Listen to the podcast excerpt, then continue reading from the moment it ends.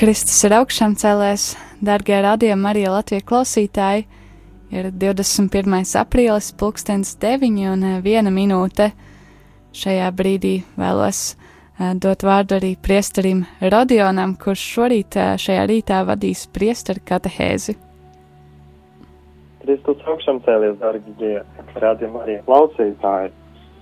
Mani sauc priesteris Rodions, esmu no Krāslavas un ar jums tagad ar rādījumu arī starpniecību arī iedziļināšos un uzlūkošu, turpināšu izbaudīt to, ko pāvests mums ir devis viņa enciklīkā Laudāta Si. Ceru, ka kvalitāte mums un telefoniem mums nepievils, jo šo katehēzi vadīšu atrodoties pēc Krāslava savā draudzē. Dargie Mario radījuma arī klausītāji, tātad ķersimies nu klāt pie šīs katehēzes, jo, kā jau mēs tagad visi priestieši šeit arī komentējam pavesta e, Franciskā pēdējo enciklīku Laudato Si, un, e, diemžēl, tulkojums latviski vēl nav iznācis. Tomēr gribētos, lai mums arī būtu šī viela pārdomām, tad arī, lai mēs arī dzirdētu tādu, tā kā, jūs neuztversiet jau pārāk kritiski, ja būs kāda kļūda par, manā parinderiskajā tulkojumā, jo man šodien ir uzticēts otras nodaļas, ceturtas apakšnodaļas no 84. līdz 80, 88. pantam dalījums. Proti, otra nodaļa, kur pāvis runa par visu radību kā evaņģēliju, tad eh, šodien pievērsīsimies ceturtajai apakšnodaļai, kur eh, pāvis skaidro, ka katra dzīva būtne sevī nes kādu vēstījumu un ir iek, harmoniski iekļauta visas radības pilnība. Proti, sāksim ar 84. punktu. Pāvis saka, kad mēs runājam, ka cilvēks ir Dieva attēls. Mēs nedrīkstam aizmirst, ka arī katra radība sevī nes kaut kādu uzdevumu, savu aicinājumu, kas ir neatņemams vis, visā pasaulē. Visā materiālā pasaulē ir Dieva mīlestības valoda. Viņa bezgalīgas mīlestības skatiens uz mums auglīga zeme, ūdens, kalni. Tas viss pauž dieva maigumu. Dieva draudzības vēsture ar cilvēkiem mums e, parāda to, ka Dievs atklājas mums noteiktais geografiskajās vietās. Un e, to, ka Dievs atklājas konkrētais vietas uz šīs zemes, atklāja mums to, ka Dievs vēlas mums atklāties šī pasaulē, un kad Dievs atklājas mums personīgi. Un kad mēs atceramies katrs atsevišķi tās reizes, kad Dievs mums ir atklājis personīgi, mēs atceramies arī konkrētas ar šiem, ar šiem garīgiem pārdzīvojumiem saistītas vietas. Mēs bieži arī atceramies tās vietas, kur piedzīvojam kaut ko labu. Kāds kurš ir audzis, piemēram, kalnos, saka pāvests, vai ka bērns ir redzējis dzīvu avotu, tad viņš vienmēr ar prieku atceras to, kādu sajūsmu ir dzēris no vienmēr plūstoša skaidra avota, vai uzlūkojas augstus kalnos un skaties tiem pāri. Pāvis arī raksta, ka tas, kurš arī varbūt savā pilsētas daudz dzīvokļu māju pagalmā ir spēlējis smilšu kastē. Vienalga atgriežoties tādās vietas, kā pieaudzis cilvēks, jūtas aicināts atgriezties pie savas identitātes. 85. punkts, kura pāvis citē Jāņa Pāvila otrā dažādas katehēzes, kā arī daudzu valstu biskupu konferenču dokumentu. Pāvis raksta. Dievs ir uzrakstījis mums izcilu grāmatu, kuras burti ir daudzas radības, kuras ir klātesošas visumā. Pareizi ir teikuši Kanādas biskupi, ka neviena radība nav izņemta no Dieva atklāsmes, no viscenākam dzīves formām, kuras pazīstam uz šīs zemes. Daba nemitīgi ir abrīnas avots, kā arī godējamais avots. Radība nemitīgi atklāja kaut ko dievišķo. Savukārt Japānas bīskapi no savas puses pateikuši kaut ko, kas mūs iedrošina. Japānas bīskapi ir rakstījuši, atklājot un aptverot, izprotot visu radību, dziedot himnu, priecīgo dziesmu par Dieva mīlestību uz visu radību, mēs stiprināmies cerībā. Pāvis raksta tālāk. Radības svētapcere, radības kontemplācija ļauj mums atklāt, kā Dievs mums dod kaut kādu mācību, ka Viņš vēlas dāvāt mums kaut kādu vēstījumu arī caur savu radību. Ka Dievs cilvēkam, kurš tic ar radības kontemplāciju, ļauj arī sadzirdēt savu vārdu, ļauj ieklausīties šai noslēpumaini un ar miesīgo ausi nedzirdāmajā balsī. Varētu teikt, saka pavests, kā līdzas atklāsme ar lielo burtu, tas šī vārda šaurē nozīme, proti atklāsmes, kas ir iekļauta svētajos rakstos. Dieva atklāsme mums ir arī saules gaisma, kā arī nakts tumsas iestāšanas.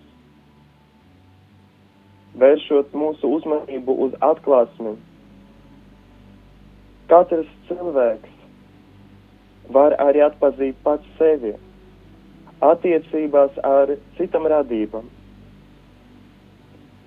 Pāvis citē filozofu Rikēru, viņa citāts ir: Es izpaužu sevi, kad es izp cenšos izprast pasauli. Es atklāju to, ka pats esmu sakrāls svēts, kad cenšos atšifrēt pasaules sakrālumu. 88. punkts. Visa pasaule, viss visums, tās visdažādākajās attiecības atklāja mums, cik liels un cik neizmērojams ir Dievs. Svētais Toms no Akvīnas gudri ir atzīmējis, ka dažādu sugu, daž, daudzveidība ir Dieva radītāja prāta un gudrības auglis. Svētais Toms Nākvīnas teica mums, ka katrai radībai piemīt taču kaut kas savs, kaut kas tieši šai radībai īpašs, un ka katra radība savā savdabībā atklāja dieva labestību, kā arī no citas puses parāda to, ka ar savam īpatnībām tā papildina citas radības. Pāvis komentē svētā Akvīnas Toma vārdus, sakot, ka nevar būt tā, ka kaut kāda radība ir pilnīga un tai nekā netrūktu, bet katrai radībai ir kaut kas savs un tā papildina citus. Tāpēc mēs padomājot un apcerot to, cik dažādas ir radības, tomēr vienmēr tās uzlūkojam attiecībās ar citām radībām. Kad mēs redzam, ka visas radības atrodas zināmajā harmonijā, mēs sākam aptvērt katras atsevišķas radības nozīmi un pastāvēšanas jēgu. Un ja mēs tās uzlūkojam kā iekļautas Dieva plānā, tad mēs arī spējam atklāt katras radības patieso jēgu. Pāvis citē arī baznīcas katehismu, kurā ir teikts, ka visas radības un to savstarpēja pastāvēšana ir gribēta. Saule un mēnesis, ciedrs vai maz lauku ziediņš, ērglis un zvirbulis. Dažāda, dažādas sugas, dažādi, dažādi dzīvesveidi, radības daudzajādība mums parāda to, ka nevienai radībai nevar pietikt pašai ar sevi. Mēs varam pastāvēt tikai kopīgi. Un saka katehisms, visas radības pastāv savstarpēja atkarība viena no otras, lai viena otru papildinātu, viena otrai kalpotu. 87. punkts, kurā pāvis saka, kad mēs atskarstam par dieva atspīdumu it visa, kas pastāv, tad mūsu sirds izjūt dziļu ilgošanos, lai slavētu Dievu par visām viņa radībām un lai slavētu Dievu kopā ar šīm radībām. Tā, kā to tik skaisti ir izteicis svētais Francisks, darbā, kuru mēs pazīstam, kā saules himnu. Tālāk pāvesta dokuments Laudatas arī citē šo svētās Franciska himnu ar kuras pirmiem vārdiem arī nosaukta encyklika. Proti uzklausīsim to Jāņa priedas tulkojumā. Labais visaugstais, varenais Dievs, vienīgi tevi pienākas godāt, vienīgi tevi cildināt, slavēt. Cilvēks nav cienīgs, saukt tevi vārtā. Slava tev, Dievs, par māsu sauli. Dievs atnes gaismu mums dāvāt Slava tev, Dievs, par mēnesi, brāli, par māsām, debesu zvaigznēm, kuras tu esi radījis spožas. Slava tev, Dievs, par to, ka zvaigznes vienmēr tik skaidras, vienmēr tik skaistas.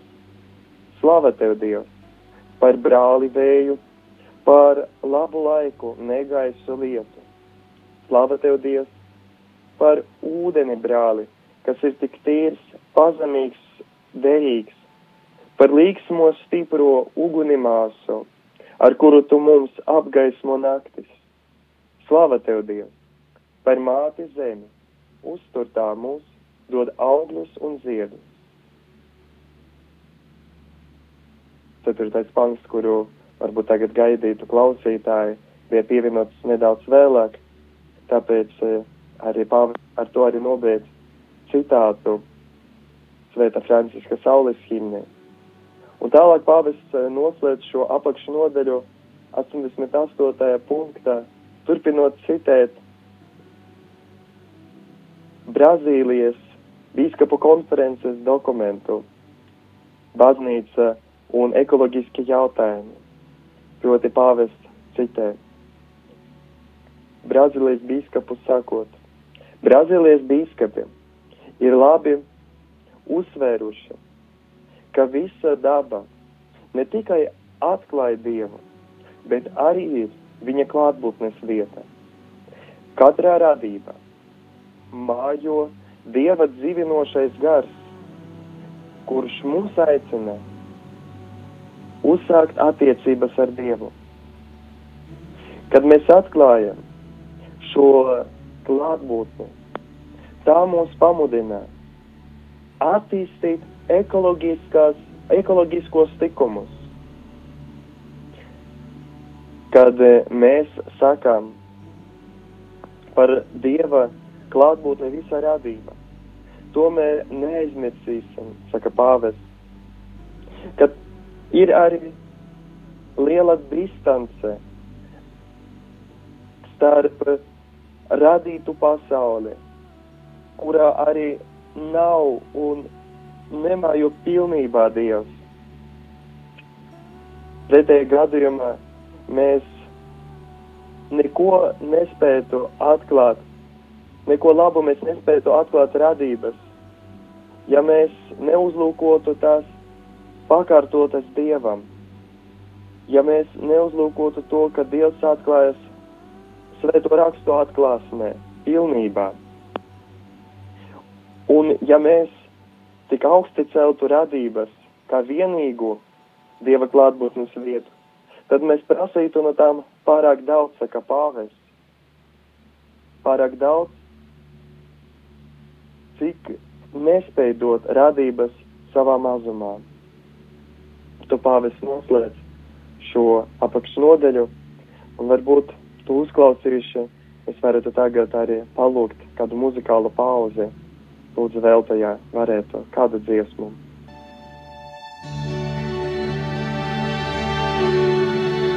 Brother sun and sister moon, I seldom see seldom hear your tune. Preoccupied with selfish misery. Brother wind and sister air, open my eyes to visions pure and fair, that I may see the glory around me. I am God's creature, of Him I am part. I feel His love awakening my heart. Brother sun and sister moon, I now do see you. I can hear your tune. So much in love with all that I survey.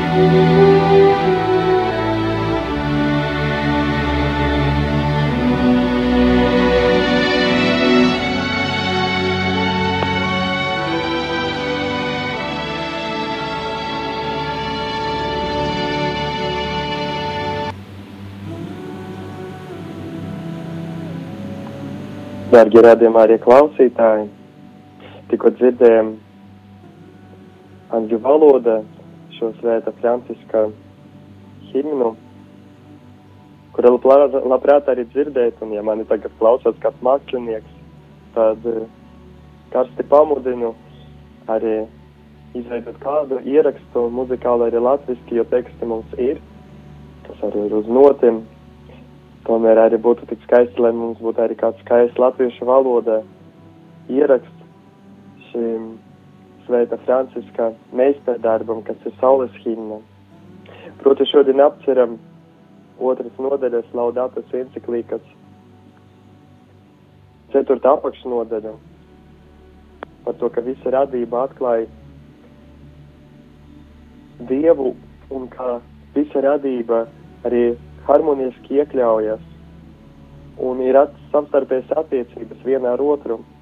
Proti visā šajā otrajā nodaļā, ko pāvis ir nosaucis par radības evaņģēliju, pāvis arī pievēršas un pietuvina mūs apcerēja ne tikai par dažādām problēmām, ekoloģiskām, par dažādiem ievainojumiem, cilvēci, cilvēku attieksme pret dabu, bet tuvina mūs arī apcerēja par Dievas radības skaistumu. Palīdz mums uzlūkot pasaules un visu cilvēku saimes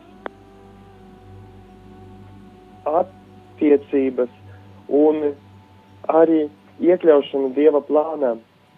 Palīdz mums ieraudzīt un pamudinam, gatavo mūs savam pamudinājumam attīstīt sevi šos ekoloģiskos tikumus. Un runājot par to, ka katrai radība ir sava vietā, arī Dieva atklāsmē, sagatavo augsni nākamajai apcerei par to, kā ekoloģiskie tikumi sakņojas arī kristīgai ticība un svētais rakstos. Proti, tikko dzirdētajā apakšnodaļā pāvis mums runā par to, ka katra radība saņēmusi ir no Dieva kaut kādu mērķi, kaut katra radība kā mēra atklāja šo Dieva labestību, Dieva augstsirdību, viņa dāsnumu. Katra radība to atklāja gan savā neatkarībā, savā atšķirībā no citām radībām, kā arī atklāja Dieva nodomu, esot savstarpējas attiecības ar citām radībām. Proti visas radības un to savstarpējas attiecības, gan arī katrās radības īpatnējās atšķirības. Saka pāvis, nes mums un atklāja šo Dieva radītāja nodoma, gudrību un plašumu. Proti, arī pāvis mūs mudinājis apcerēt, apcerēt pilnībā un padziļināt, pārņemt, pārņemt arī mums, mums šo svēta Franciska, kura vārdu viņš arī ir izvēlējis, attieksmi, slavējot Dievu par viņa radību un slavējot Dievu ar visu radību. Un slavējot Dievu par radību, tādējādi pāvis mums arī gatavo būt gataviem uzņemties arī atbildību par šo radību. Arī daudzi dzēnieki ir apcerējuši dabu. Pāvis arī mums daudzi, arī katrs cilvēks var atcerēties skaista ainavas, ko ir redzējis, vai vietas, kurās pieredzējis ko labu. Arī jūsu necinīgais kalps, kuru tagad dzirdat, apcerot naktī, gaidot austošu sauli, apcerot naktī to, ka drīz iestāsies rīts, ir sacerējis kādu dziesmu dievmātes godam, kura arī ir izmantojis daudzus tēlus, daudzus epitētus, attiecinot to, kas notiek radība uz uh, dieva atklāsmi. Proti, es gribētu tagad vēl to ļaut mums uh, dzirdēt nu pat iznākušo ierakstu manu autordziesmu, kas saucas Klusā rīta gaisma. Un gribētu pamudināt klausītājus dzirdēt šīs īsas, varbūt vienkāršas dziesmas vārdus, arī iztēloties šo kluso rīta gaismu, šo dabu, kas mostas, bet kad patiesība spēj mūs uzrunāt par pestītāju tuvošanos, par to, ka pestītājs sāk, lai iestātos mūsu sirdīs, patiesa mūžīga diena. Lūdzu, vēl jau varētu tādu, lai izskan šī dziesma ēteram. Jā, pirms skan šī dziesma atgādinu uh, klausītājiem, ka tālruņa numurs, uh, uz kuru varat sūtīt īziņas ar saviem jautājumiem vai komentāriem priestrim Rodionam, ir 266 772 72, bet tagad lai skan solītā dziesma.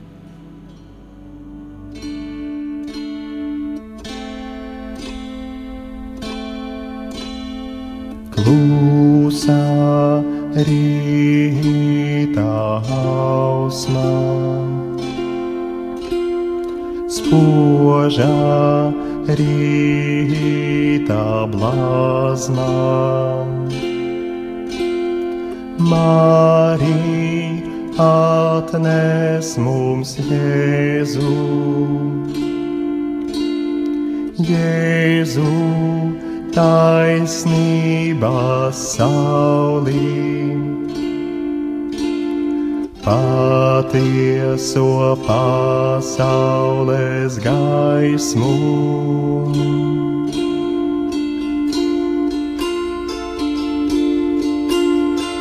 Klusā rītā hausmā rīta blāzmā. Marija atnes mums Jēzu. Jēzu taisnībā saulī, patieso pasaules gaismu.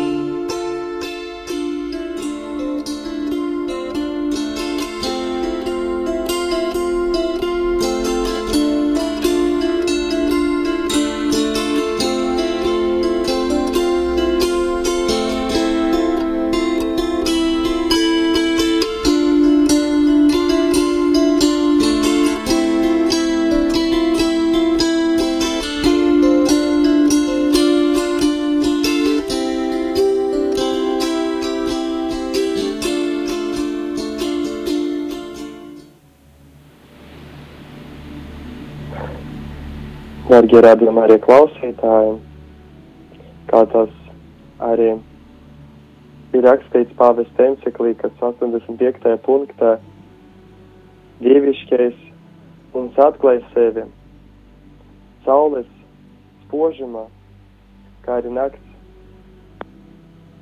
tumsas iestāšanas brīdi, kas arī bijis Jāņa Pāvila otrā svētā pāvesta vienas no katehēzes citējumiem.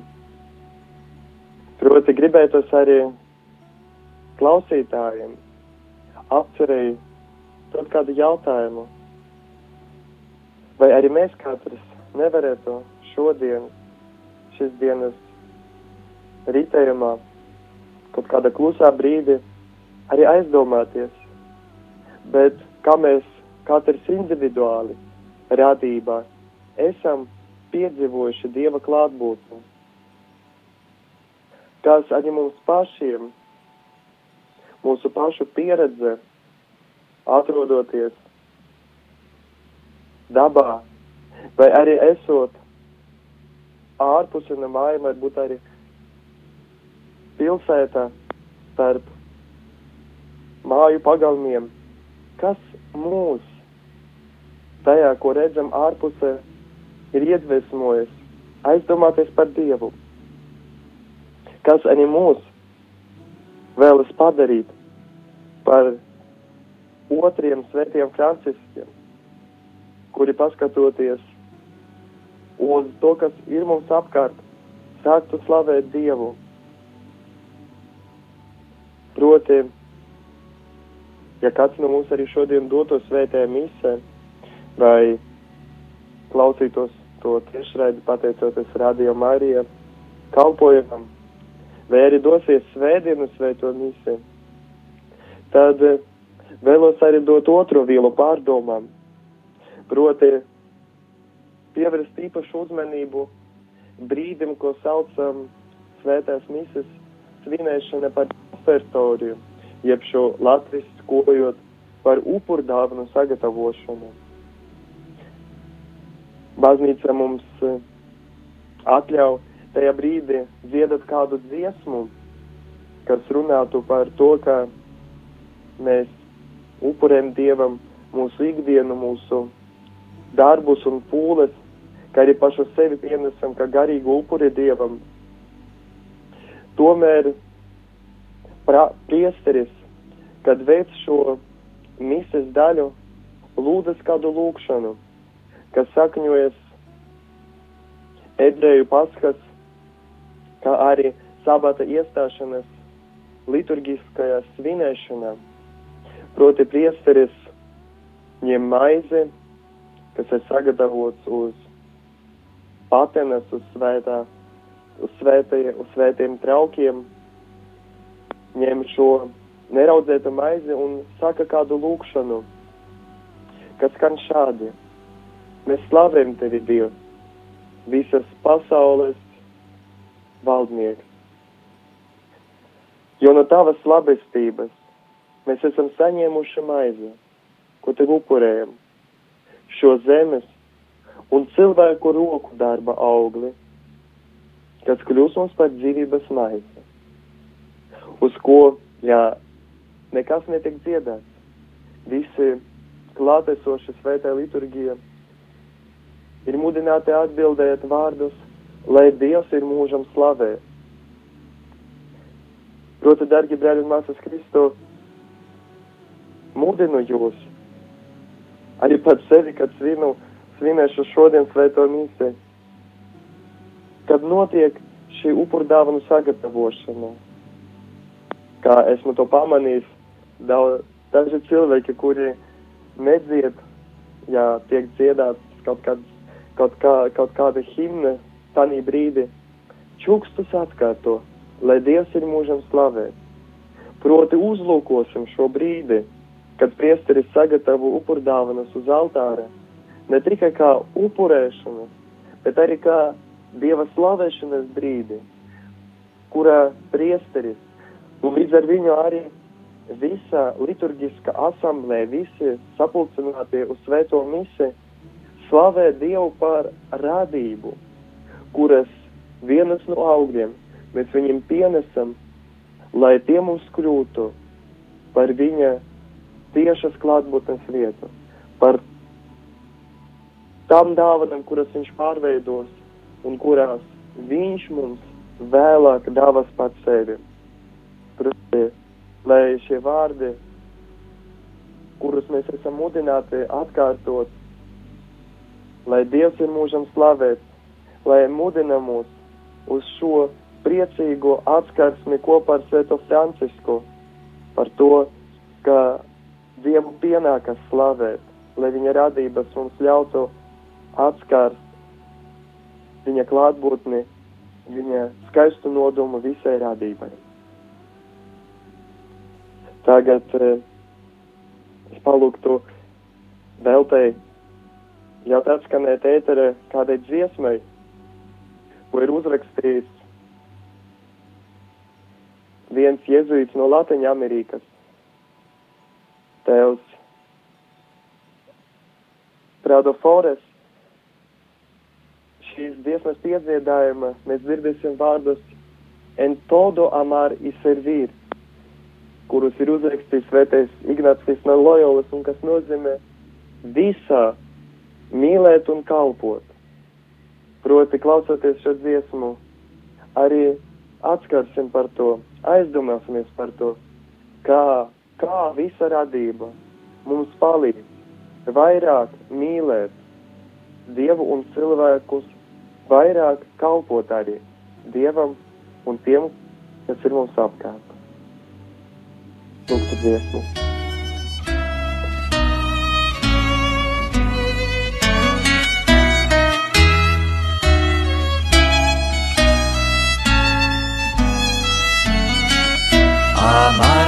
A ti, Señor, en todas las cosas y a todas en ti, en todo amar y servir, en todo amar y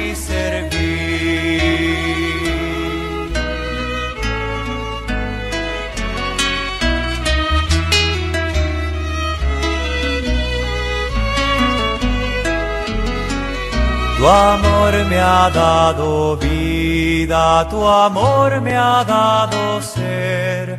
De ti me viene todo y a ti debe volver. Gustoso pues te ofrezco mi haber, mi poseer. Tu amor y gracia dame, de más no es menester.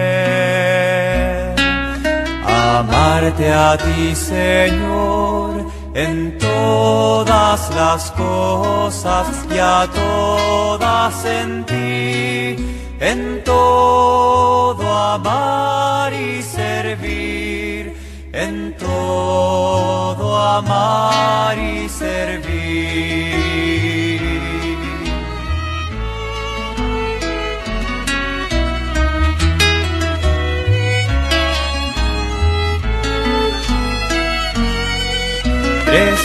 En las criaturas y activo en todo estás. En mí como en un templo te dignas habitar. De ti bondad y gracia me llueven sin cesar. Mi oficio ya no es otro sino servir y amar. Amarte a ti, Señor, en todas las cosas y a todas en ti, en todo amar y servir, en todo amar y servir.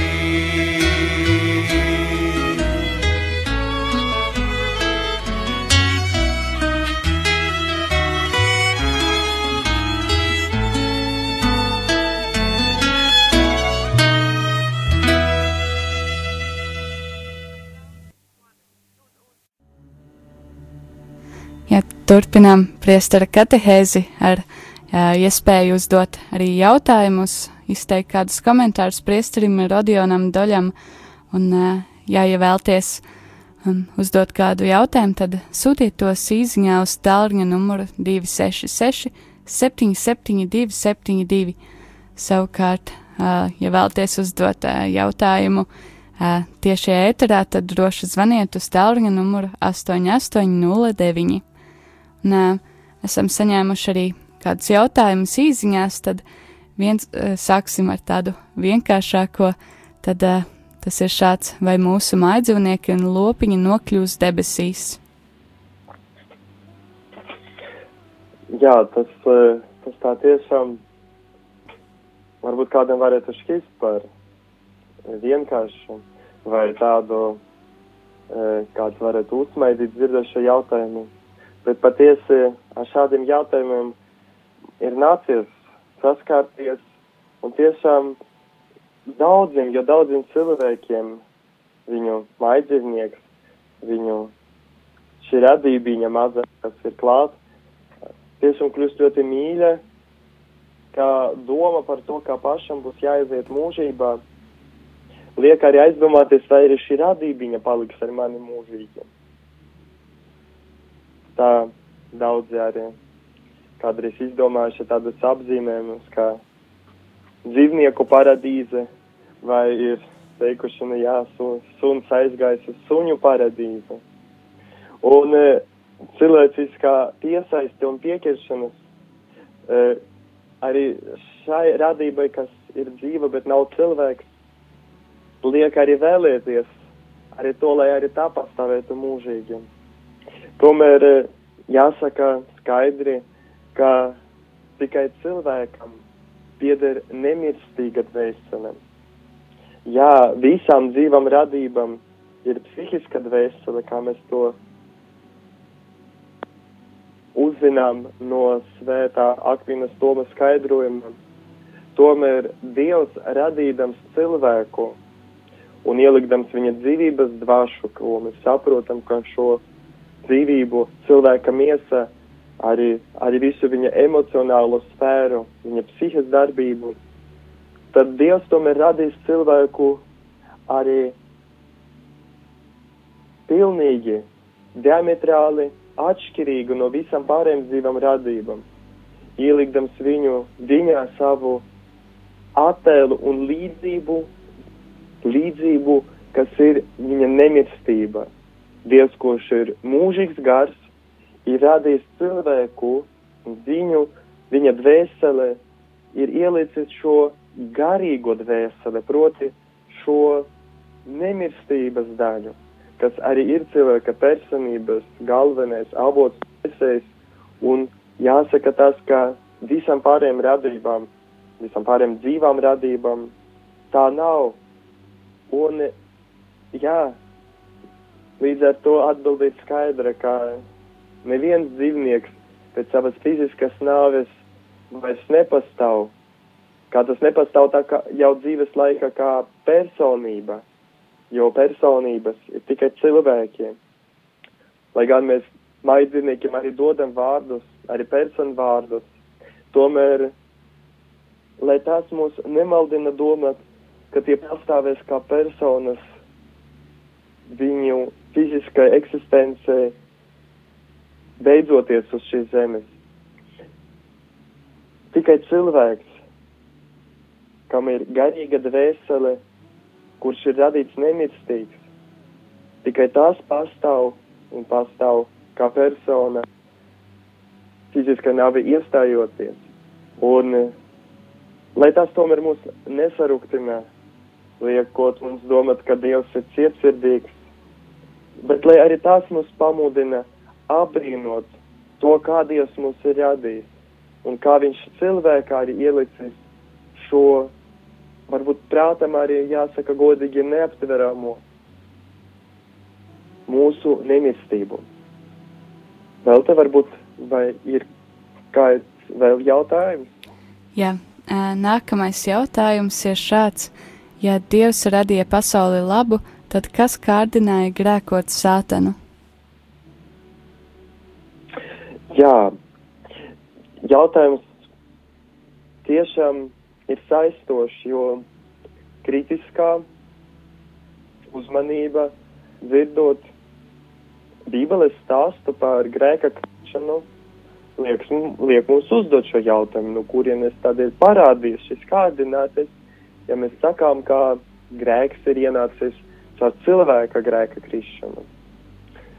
Proti, uzreiz atmetot domu par to, ka Dievs ir jādījis sātanu, vai ka Dievs ir radījis ko ļaunu, mums palīdz šo lietu saprast ebreju tradīcija. Proti, kā mēs pazīstam, ka mums, kristiešiem, ir atklāsme gan baznīcas mācībā, magistērija, gan svētajos rakstos, gan arī tradīcija, kas balstās svētajos rakstos kā galvenajā avotē Tā arī ebrejiem, kuriem, no kuriem mēs esam saņēmuši vecās derības svētos rakstus, arī ir bijusi sava skaidroša tradīcija. Un e, tāda, tāds ir saglabājies viens stāsts, kas skaidrojas, no kurienes ir radies tas ļaunais gārs. Proti, viena rabinistiskā mācība mums atkārto tādu kā stāstu, tādu tēlējumu sižetu par to, kā Dievs, kad radīja cilvēku, kā psalmē ir teikts, nedaudz zemāku par eņģeļiem, tomēr visā cildenu un skaistu. Dievs rādīja eņģeļiem savu plānu radīt cilvēku, kā visas materiālas pasaules visas radības kroni. Un Dievs saviem eņģeļiem, kurus ir bija radījis, lai tie kalpotu viņam šī nemateriālajai pasaulē, ir teicis, ka lūk, es radu šo radības kroni cilvēku, kura ielikšu arī savu attēlu, savu nemirstību, savu dzīvības dvašu. kas būs mana mīļota radība uz šīs zemes, ko esmu radījis. Dievs ir teicis eņģeļiem, ka eņģeļiem būs jākalpo ne tikai no šī brīža viņam, visa radītājam, visa avotam, bet ka eņģeļiem būs uzdevums kalpot arī lūk šī radi, šai radībai. Un rabinistiskais nostāsts mums saka, ka viens no eņģeļiem, viens no skaistākiem eņģeļiem, kura vārdu mēs pazīstam kā Lucifers, gaismas nesējs tulkojuma, ir teicis, es viņam, kurš ir mazāks, kurš ir niecīgāks par mani, kalpošu. Ir saprotams, ka man ir jākalpo Dievam, kurš ir pārāks par visu, bet tas, ka man ir būtu jākalpo kādam, kurš ir zemāks par mani, eņģeli, tas ies, neies, tas ir neiespējams, teica Lucifers, kā mums nostāsta to rabinistiskais skaidrojums. Un tādējādi sakot, es nekalpošu, tad arī iestā ir ienākusi šī, tad arī iestājas šī eņģeļu krišana. It kā saka rabinistiskie nostāsti, rabinistiskie stāsti, kā Luzefērs paņemies sev līdzi arī daudz citus eņģeļus, kuri atteicas kalpot Dieva uzdevumu cilvēkam, un tādējādi ir kļuvuši par cilvēka ienaidniekiem. Ir kļuvuši par tiem, kuri arī sakot ar pirmo kārdināšanu līdz pat šim laikam un līdz pat pēdējai tiesai kārdinās un mēģinās ievainot cilvēkus skaistāko Dieva radību. Baznīcas tēviem savukārt pastāv kāds cits skaidrojums, kas ir otrais papildinošais skaidrojums šai eņģeļu krišanai. Proti, viens baznīcas tēvs atstās arī tādu līdzību par to, kas ir noticies Dievam radot pasauli. Ka tad, kad Dievs ir radījis cilvēku, un ir devis eņģeļiem uzdevumu kalpot šiem cilvēkiem, tad Dievs ir atklājis eņģeļiem savu tālāko nodomu, kas ir bijis iemiesošanas nodoms. Proti to, ka eņģeļi, kuri redzēja Dievu un redzēja Dievu kā trīsvienību, kuri pazina viņu kā trīsvienību, tēvu, dēlu, svēto garu, redzēja šo vienotību Dievā, kurš bija pirmsmūžīgs, kurš ir pirmsmūžīgs, pirms laika sākuma, Dievs viņam atklājas, ka lūk, dēlam, kurš ne tikai ir dzimis, jāsaka, bet nemitīgi dzimis no tēva, ka viņš, ka Dieva nodoms, Dieva tēva nodoms ir, ka viņam ir jāpietuvojas šai radībai. Un jāienāk tās pasaule kļūstot par vienu no cilvēkiem, ka viņam būs jāpiedzimst starp cilvēkiem un jābūt visai cilvēkiem līdzīgam. Un e, tieši šī ziņa, saka baznīcas tēvu stāsts, iejaunoja eņģeļus, kuri arī krita un atkrita no Dieva. Jo viņi teica, kā mēs tagad varam kalpot Dievam, kurš kļūs zemāks par mums? Kā mēs varam kalpot šādam Dievam, kurš vēlas pazemoties. Un arī teikuši, mēs tādam dievam nevēlamies kalpot. Proti, abos stāstos līdzekļi ir tas, ka eņģeļa teica nekalpošu. Lai gan šie stāsti ir nedaudz atšķirīgi, kopējs ir šīs noliegums, šī atteikšanās, es nekalpošu. Proti, redzam, ka šī enciklīka, šī pāvesta apcere par radības skaistumu, par to, ka Dievs atklāja savu labestību visa radība un kā viņš ir gudri visu radījis, ka viņš dāsni katru radību ir apdāvinājis ar savu uzdevumu un arī katru radību darīja saudabīgu, gan arī iekļauto un kalpošana citām radībām, lai tas mūs, dārgie klausītāji, arī pamodina pretēji kalpot Dievam, kalpot arī citam radībam, kalpot vienam, viens otram. Jā, paldies. Paldies! Paldies Jā. par šo atbildi, un droši vien šīs dienas pēdējais jautājums. Vai Bībelē kādiem dzīvniekiem ir lielāka nozīme nekā citiem?